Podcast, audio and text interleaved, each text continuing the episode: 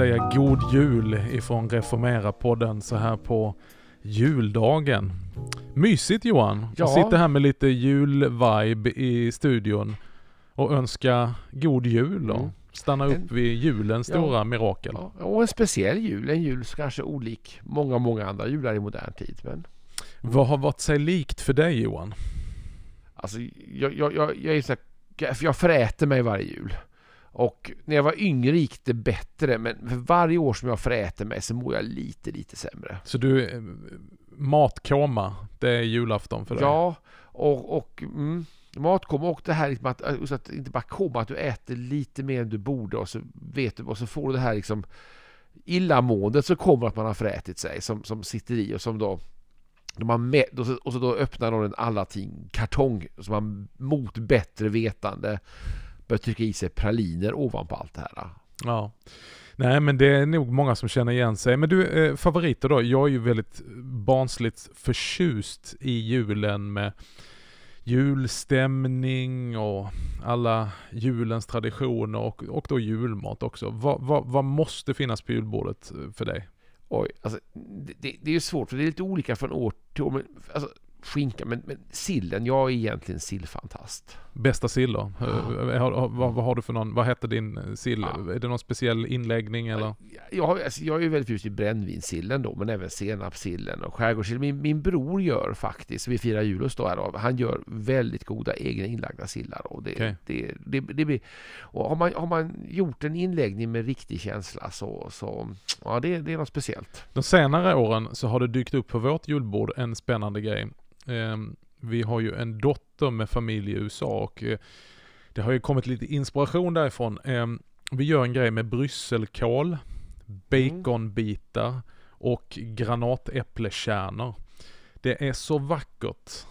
Färgen är fantastisk och det smakar underbart. Och så har vi infört istället, för jag är ingen så här jättefan av julskinka, så att vi har julkalkon istället. Och det är väldigt anglosaxiskt. Ja. det? Det, Ja. det är möjligt, men, eh, Mm. men gott är det. Ja, Det som har utgått oss är faktiskt lutfisken. Ja, den har aldrig kommit in. Mm, nej, men jag, alltså jag minns när jag var liten hur man, liksom, kvällningar av lutfisken, hur den här slemmiga vita biten skulle ner liksom och man Mm. eh, kämpade och... Jag är ju uppväxt i Skåne och på de eh, så här lite mer gammeldags Mm. julborden så har det ju varit den här kålen i alla mängder. Brunkål, Mm. det, det är ju du, det är ju du också van vid. brun, men brunkål är viktigt för mig, det måste vara med. Och den, den, den, på tal om doft Johan. Oh. Det är ju hemskt. brunkål? Ja, Ah, den, den luktar ju kål, men jag, jag jag är nog brunkåls, rödkåls och alla kolvariants fanatiker så här. Men, men, men, sen blir det ju lite, det ger ju effekt på, på, på kistan faktiskt när man äter mycket kål. eh, skojar du? Men du, eh, TVn eh, har ju slått sig in och blivit altaret som oftare och oftare eh, människor, familjer samlas kring på julafton. Är det någon eh, TV-grej som är en, eh, ett stort inslag i det Erikssonska hemmet? Mm. Ja, alltså vi, vi, vi följer den här rytmen med Kalanka, Karl-Bertil, midnattsmässa. Mm. Mm. Jag måste säga Karl-Bertil är ju min så här omistlig på julafton. Kalle Anka får gärna stå på i bakgrunden. Mm. Men eh, Karl-Bertil, då, då kan jag bli så här cranky gammal gubbe när de yngre inte förstår hur viktigt det här är. Så jag säger så TYST! Säger jag som Karl-Bertil Jonssons pappa. Ja, och, så måste man ju förklara settingen för att många som är födda liksom in på 20 det är gengasbilar och det är liksom en, en, en efterkrigsmiljö här med lite mm, eller vad det nu är, det är Jo men den, den, är inte, den är inte helt accurate. Det är ju lite olika och massa olika tider som är Mm. blandade i det här Mm. dokumentet. Ja, de har ju en TV till och med mitt i alltihopa Ja, där. jo, nej men det är ju som det är. Mm. Well, vi ska alldeles strax ge oss i kast med det här programmet.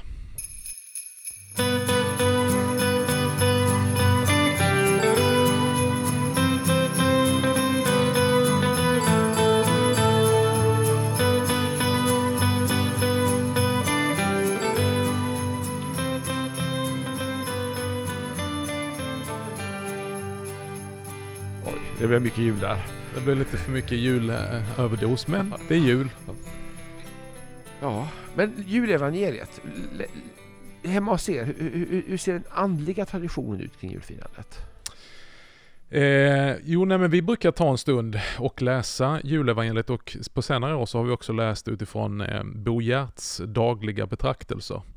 Eh, eh, som följer då liksom varje, eh, Eh, ja, varje dag men också varje högtid genom kyrkoåret. Och det är en fantastisk text just för julafton om Jesusbarnet i krubban och vad han säger till oss som, är, som är, har blivit en sån här standardgrej att samlas kring och stanna upp. För det är ju, det är ju onekligen så att eh, kommersen, de andra traditionerna, TVn, mm, mm. allt som ska göras, klappar och paket och det här barnet med, det här, det här året ska jag säga, med barnbarn och så vidare. Det är mycket annat som är underbart och som är härligt, men att också faktiskt skapa en tydlig ordning och ett utrymme för att eh, stanna upp och fira inkarnationens stora mirakel. En frälsare är oss född. Jag, jag tycker också det är svårt för att allt det andra det, det tränger ut på något sätt. Vi, vi, läser ofta också julevangeliet men det blir liksom lite pliktskyldigast ibland på något sätt. Mm. För att det är ändå jul trots allt. Men så tänker jag att på juldagen då brukar den här liksom då, då är allt överätande och tv-tittande slut på något sätt. Och det är lite grann dagen efter. Och där tänker jag finns det ofta tid för mer bibelläsning, meditation och, och gudstjänstbesök. Men också, jag upplever kanske julen som starkast just idag faktiskt. Mm, jag håller med. Och, och, det är väl fördelen med att vi här i, i Norden är en dag för tidigt mm, så att säga. Mm. Att, att julaftonen, då kan vi liksom köra vårt race. Men att juldagen då infinner sig det här lugnet. Mm. Och eh, man blir sittande länge i soffan, man tar en macka med kalkonskinka då för min del och stark senap och man gör sig en kopp kaffe och så sitter man och läser i sina böcker. Ja, men det är jag brukar ta ett Jasons frestelse och så gå till mikrovågsugnen och värma en lagom portion så här. Det är ju alltid så också att dagen efter är ju maten som allra ja. godast. Mm. Ris alla Malta, mm. kör ni det också? Ja absolut, det är ett måste. Dagen efter är det ju fantastiskt mm. att ta risgrynsgröten och liksom bara blanda mm. ihop det. Mm.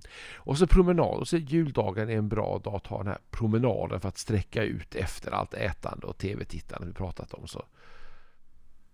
Ja. ja, trots allt mm. som sker och omständigheterna så eh, kommer ju och har kommit den här adventstiden och juletiden med sitt ljus och sin glädje att hjälpa oss att lyfta blicken och inte förlora hoppet. Eh, julevangeliet är ju faktiskt en förkunnelse som i sitt ursprung kommer till ett folk som sitter i mörkret. Ett folk som lider betryck under olika makter. Det är tyst. Löftesorden, de har nästan liksom klingat ut och vi kan ju på ett sätt kanske den här julen identifiera oss mer då gudstjänstlivet har varit nere på minimum och för vissa kanske helt bortplockat ännu mer behöver ju det folk som sitter i mörkret få se ett stort ljus. Mm. Ja, men, men jag tänker att vi ofta snuttifierar julen med Jesusbarnet som något gullepluttinslag. Men, men, men det är ändå kanske världshistoriens största mirakel. Gud blir människa. Ja, absolut. Och mycket snart blir han en flykting. Mm. På väg. Och jag tänker att det finns ett enormt... Och som sagt, kanske mer nu i, än någonsin så talar den här komplexiteten i julevangeliet till oss. Mm. Och de hotande makterna mm. hela tiden. Mm. Alltså Jesus hinner inte mer än att göra entré som människa. Mm. Så kommer förföljelsen direkt. Hotet som gör att de får fly för sina liv. Och det präglar ju också hela Jesus tjänst. Och sedan Kristi kropp efter det i kyrkan. Som hela tiden får brottas mot dessa makter som hotar och som vill förtrycka och vill förinta Kristi kropp och Kristi kyrka. Det är eh, någonting som vi kanske ännu mer behöver identifiera oss i också de här dagarna som också eh, efter, under julen eh, talar om martyrer, talar om eh, eh barnen som, som eh, skövlas och förintas. Eh, alltså lidandet mitt i julen. Mm. Jag tänker också, jag, jag lite fastnar för här också flyktingfamiljer. Att ganska snart efter födseln, vise män hinner komma, mycket speciella personer de här. Vi vet inte hur många de var, men med guld, rökelse och myrra. Och sen måste den lilla familjen ge sig av hals över huvud mot Mm. Egypten. Jag var i Kairo för några år sedan. Det finns ju faktiskt en, ett antal alternativ, men inte minst en sån här eh, källare under kyrka där man, där man säger att den heliga familjen bodde i Kairo. Eh, vet inte om traditionen stämmer, men i alla fall Det utpekad. finns många sådana. Ja, jag- Många grottor och många Ja, stall och många men- lägenheter. Men jag tänker att det, det, det, det skänker ett perspektiv och sen eh, ja och jag tänker att då Jesus som, som människa växte upp i Egypten Mm. som flykting, Mm. som judisk flykting i Egypten.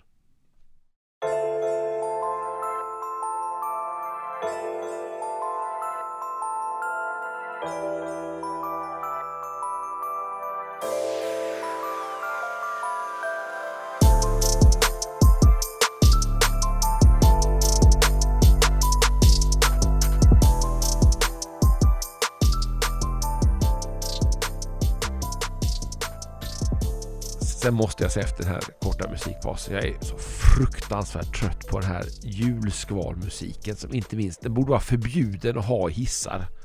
Den, Jo, men vi har ju också problemet. Det är så tydligt varje år att vi människor har en stor utmaning med att vänta. Tidigare och tidigare börjar ju de här julmusiken göra entré i varuhusen och på olika offentliga utrymmen, på radiokanalerna, så att man hinner ju bli trött på julmusiken innan det är jul. Så vi, vi börjar ju fira jul när man egentligen ska fira advent. Och sen när väl julen kommer och vi skulle egentligen börja fira jul, då slutar vi fira jul för att då är vi trötta på det, precis som du säger. Och det här är väl någonting med, med just mänskligheten och vår oförmåga att ta saker i sin tid. Där det här med att vänta och se fram emot någonting, det, nej man vill ta ut saker och ting på förskott. Eh, och eh, naturligtvis eh, det handlar inte om hårklyverier här och vilken dag får man sätta upp vad och vilken dag får man lyssna på vad. Men det finns ju en poäng att ta saker och ting i sin tid. Och att vara närvarande i nuet. Så att advent får ha sin tid där vi får också öva oss i att vänta. Att vi får öva oss i att längta och se fram emot det som ska komma. Och här finns ju mycket som vi varit inne på på julevangeliet. Du nämnde eh, familjen här eh, som, som flyktingar. Men redan innan så tänker jag också att när det här fantastiska ska ske så sker det inte bland stjärnorna på slottet utan det sker bland djuren i stallet. Och här kan vi ju lära oss någonting. Josef och Maria kommer till Betlehem men det finns inte plats för dem. Hur ofta är det också så att vi inte riktigt ser vad Gud gör för att det kommer The big comes wrapped up in the little. Alltså det kommer i form av en gravid tonårstjej. Och vi tycker att, vad är det här? Vi har inte plats för det. Det finns inget utrymme för Jesus. Eh, vad kan vi säga om det Johan? Hur ofta är det så att faktiskt Jesus är på väg att dra in i våra kyrkor, i våra sammanhang, i våra liv, men vi missar det. För han kommer inte så som vi har tänkt. ja, nej men liksom det som har svagt och föraktat i denna världen har Gud utvalt. Och lite grann för att ställa oss i skamvrå med vår vishet och vår förnuft. Jag tänker att den här principen är något som man lever med hela tiden. Inte minst när man arbetar i kyrkan och Guds rike. Så möter man det här faran att bli högmodig över det goda och fina man har och den här oförmågan att se det lilla som Gud gör. Jag, jag tänker att det är de största, en av de största utmaningarna just att arbeta i kyrkan faktiskt. Mm. Ja, och vår, precis som folket på den tiden, vår enorma förmåga att förkasta det, det, det Gud faktiskt har utvalt. Att här kommer Maria. Och vem är hon i människors ögon? Men oförmågan att kunna urskilja att hon är bärare på universums största mirakel. Historiens höjdpunkt där Gud blir människa. Hon bär Gud till världen. Och tänk så ofta som vi eh, har stängt dörren för kanske både unga och gamla, människor som är udda eller människor som kommer på ett annat sätt och vi inte kan urskilja i anden vad de faktiskt är bärare av. Ja, här är Maria en fin bild för hon finns ju med. Jag tänker att Maria tar inte mycket plats i Nya Testamentet. Men hon är där när det händer. Hon är med när Jesus föds av naturliga skäl. Svårt att ta bort henne. Jag måste berätta en knäpp anekdot bara. Eh, Oj, nu blir det farligt. Ja, det farligt. Jag, jag, jag, alltså, Förstör inte julstämningen Nej, men det, det, här med, med Maria. För det, Maria kan ju vara känslig också. Och jag tänker att hon finns med. Hon finns med i hela berättelsen. Hon är med vid korset. Hon är med på pingstdagen. Mm. Hon finns med igenom, men hon tar inte mycket plats. Hon bär, hon gömmer sitt hjärta, står det. Och jag tänker att hon bodde också hemma hos Johannes efter korsfästelsen. Och jag tänker att Johannes evangelium kanske också är mycket Marias evangelium. Mm. Om man tänker till lite grann. Men, men inte det. Jag jobbade på Livs Ord för ett stort antal år sedan. Eh, när det var mycket diskussion om huruvida Livs Ord skulle ta en katolsk vändning och man, man spanade liksom i buskarna efter Maria-statyer och ikoner och allt möjligt. Och kom det en upprörd dam till bokbutiken och var helt hysterisk för hon hade sett på Facebook att det såldes Maria-statyer på Livets Ord. Och hon ville se dem och hon ville konfrontera oss och, och avslöja oss profetiskt. Och jag var tvungen ut att möta henne.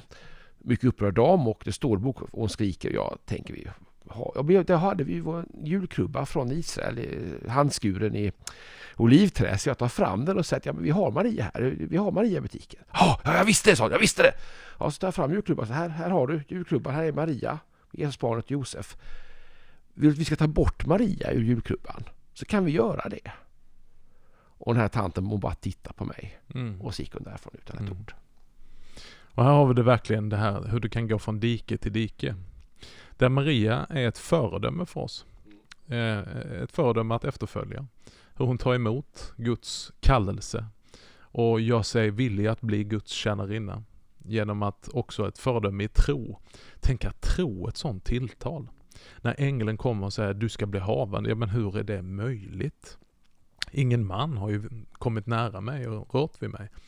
Nej, det ska ske genom att den helige ande ska komma över dig och överskugga dig med den högstes kraft. Barnet ska bli till genom helig ande. Låt det ske med mig. Låt det ske med din tjänarinna så som du har sagt. Tänk bara om vi inför det nya året som bara om några dagar står framför oss, skulle kunna gå in i det året med den inställningen som Maria. Herre, vad helst du har planerat, vad helst du har sagt, låt det bli med mig så som du har sagt. Låt det ske med mig så som du har sagt. Amen. Ja, men jag tänker att det är av de starkaste bönerna i Bibeln. Mm. Och kanske det starkaste och viktigaste gensvaret från människan i, i historien. Mm. Och, och, där brukar jag, jag brukar knyta det, mm. ibland när jag predikat över den texten så har jag faktiskt predikat över ordet amen. Ett av de orden som vi använder mest i en gudstjänst och i kyrkan. Och folk ibland säger det bara liksom mekaniskt och liksom nästan av rutin. Ja, amen, amen. Men vad vi säger, det betyder ju, låt det ske. Låt det bli så mm. som du har sagt. Mm. Låt det bli så som vi har bett. Alltså ett av de viktigaste orden som vi stämmer in i. Om vi hör predikan, när vi tillsammans ber böner så stämmer vi in i Amen så säger vi med Marias ord, låt det ske så. Låt det ske så som du har sagt, så som vi har hört i ditt ord, så som vi har bett i våra böner. Låt det bli så. Ja, men jag tror det är ett bra budskap inför 2021 också. att Låt Herrens vilja ske med oss. Låt oss mm. vara överlåtna till det som kommer att möta oss. Det, det är ett spännande år framför oss. Att ett svårt år 2020 kommer att vara inlistat i historien för alltid som pandemins år. Men 2021 ett oskrivet blad och låt, låt oss, låt det vara vår bön. Och jag tänker lite grann för att avsluta på 2020 som Maria och Josef. Mm. Vi tänker och ser på 2020 utifrån omständigheterna och vi bara tänker låt oss bli färdiga med det här skitåret. Låt oss mm. glömma det. Det, det. det hade inget gott med sig. Men tänk om det är så att precis som det här unga paret som kommer till Betlehem är faktiskt bärare på någonting som ska födas så tror jag också att 2020 är inte bara pandemi, även om det har präglat vår vardag med dysterhet, utan ur den livmodern som 2020 är, så kan någonting fantastiskt födas. Så låt oss inte förakta, låt oss inte förminska, utan låt oss ta vara på och förbereda oss för det som ska komma, fött ur detta år med mycket vedermöda, med mycket prövningar och begränsningar eh, och gå in i det nya året och ta emot vad som ska komma ur detta. Mm. Då säger jag amen på det. Låt det ske så. Och vi säger till varandra och till lyssnarna god fortsättning. Det gör vi. God fortsättning på julhögtiden. Fira den. Hoppas att du blir välsignad och väderkvickt och att du får njuta julmaten och få slappa lite också. Och en liten uppmaning.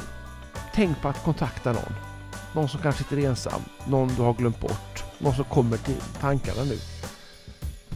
Bra Johan. Mm. Fint. Det ska vi ta med oss. Mm. Och vi är tillbaka första dagen på det nya året 2021. Med en mycket speciell gäst. Vi har missionsförståndare Kerstin Oderhem med oss som gäst i studion och ska lyssna in lite och ta ut riktningen kanske för det med-. Ord för det nya året till oss. Men Johan, jag säger till dig, god fortsättning på julen. Så, all välsignelse till alla er som lyssnar och låt oss ses nästa år. Och saknar du oss så finns vi på sociala medier och vi finns på reformera.net.